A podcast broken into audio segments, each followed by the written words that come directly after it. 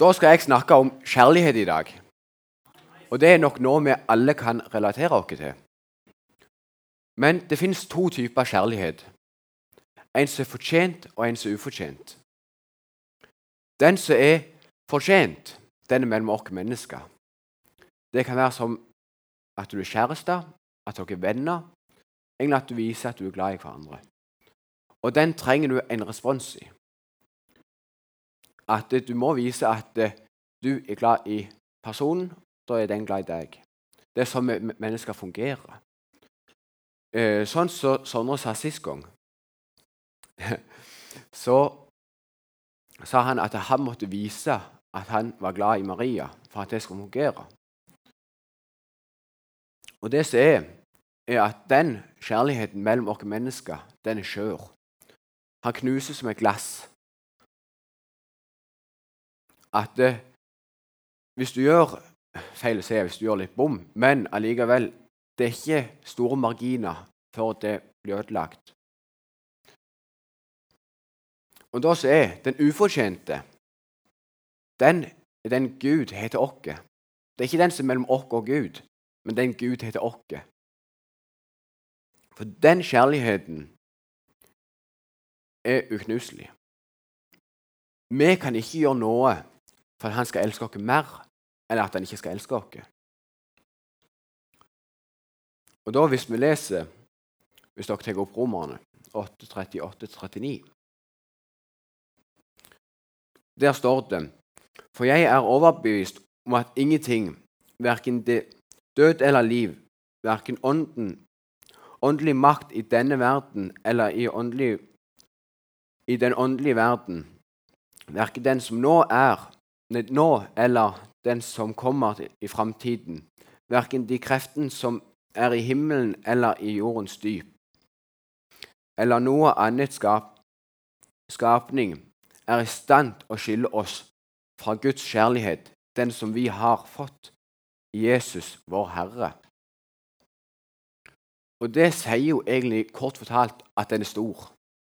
Han er mye større enn det vi fatter. At du kan ikke forestille deg hvor stor den kjærligheten er.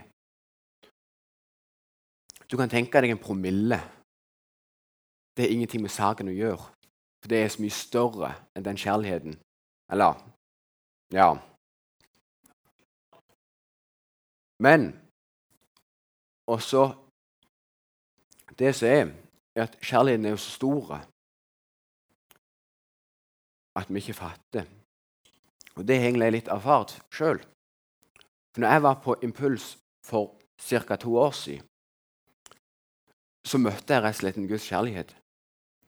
For akkurat i den tida så sleit jeg litt med kjærlighet. Tenke at noen var glad i meg og alt sånn. Men det var, jeg tror det var under en sang, faktisk. Så var det Jeg bare merka det kom. Jeg hadde ikke sjanse til å holde det igjen. Kjente tårene kom. Og da var vi ca. 2000-3000 stykk. Da har jeg ikke lyst til å begynne å grine, kort fortalt. Det tror jeg egentlig ingen av oss har lyst til. Og så merka jeg bare Nei, hva er det her folkemengden? Det var før korona, altså. Eh, sånn, jeg måtte bare ut. Jeg orka ikke det her. Anne. Kunne ikke være der og begynne å grine. Det orka jeg ikke. Uansett, jeg hadde folk rundt meg som jeg kjente, men nei. Jeg ville bare ikke det. Så da gikk jeg ut og så snakket jeg med noen andre. Jeg bare meg den personen. Uten at jeg hadde sagt noe i starten, så sa den personen det du kjenner på nå, Vegard, det er en liten del av Guds kjærlighet. En bitte liten del. Og det fikk meg til å begynne å grine med 2000-3000 stykk rundt. Det er jo ikke noe vi vil. Så det er, det er ganske mye krefter, og det var en liten del. Det, som det er jo Den jeg merka, det var ikke så forståelse som et atom. Det som er det minste forskerne har funnet ut av vi har. Ikke akkurat de har alltid rett, men um,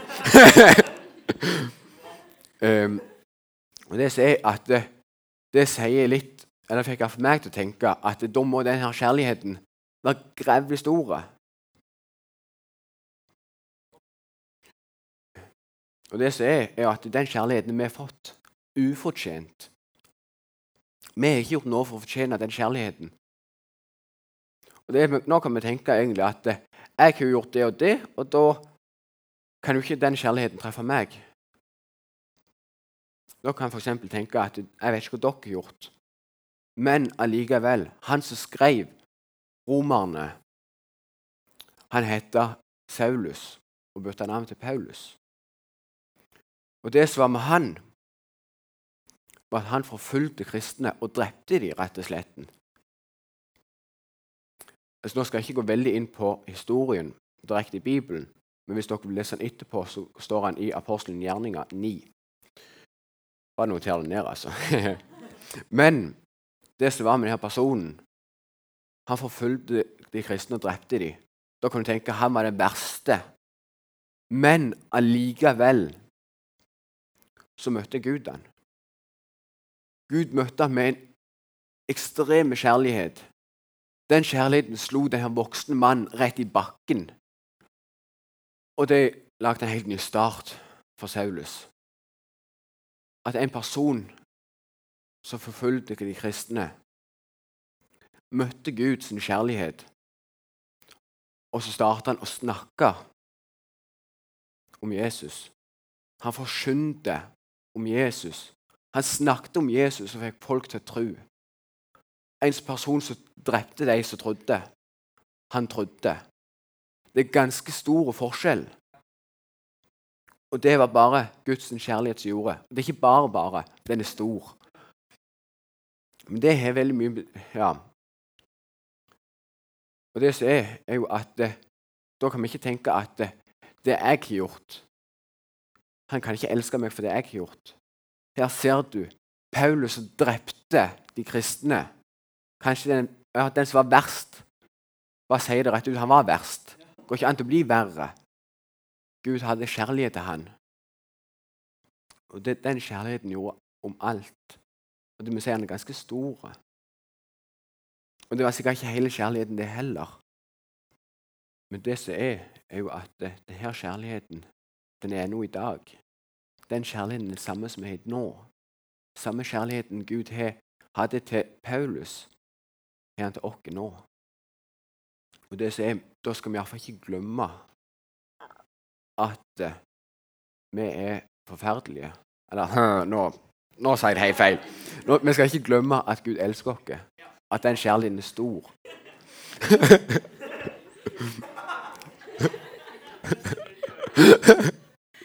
ja. Det sa jeg litt feil. Ja, ja. Hvis det som er Hvis dere bare sitter igjen med én ting etter nå, så må dere huske at Guds kjærlighet er stor, og at han elsker akkurat deg. Uansett hva du har gjort, så elsker han deg. Det kan ikke du gjøre noe med. Det var egentlig det jeg ville si.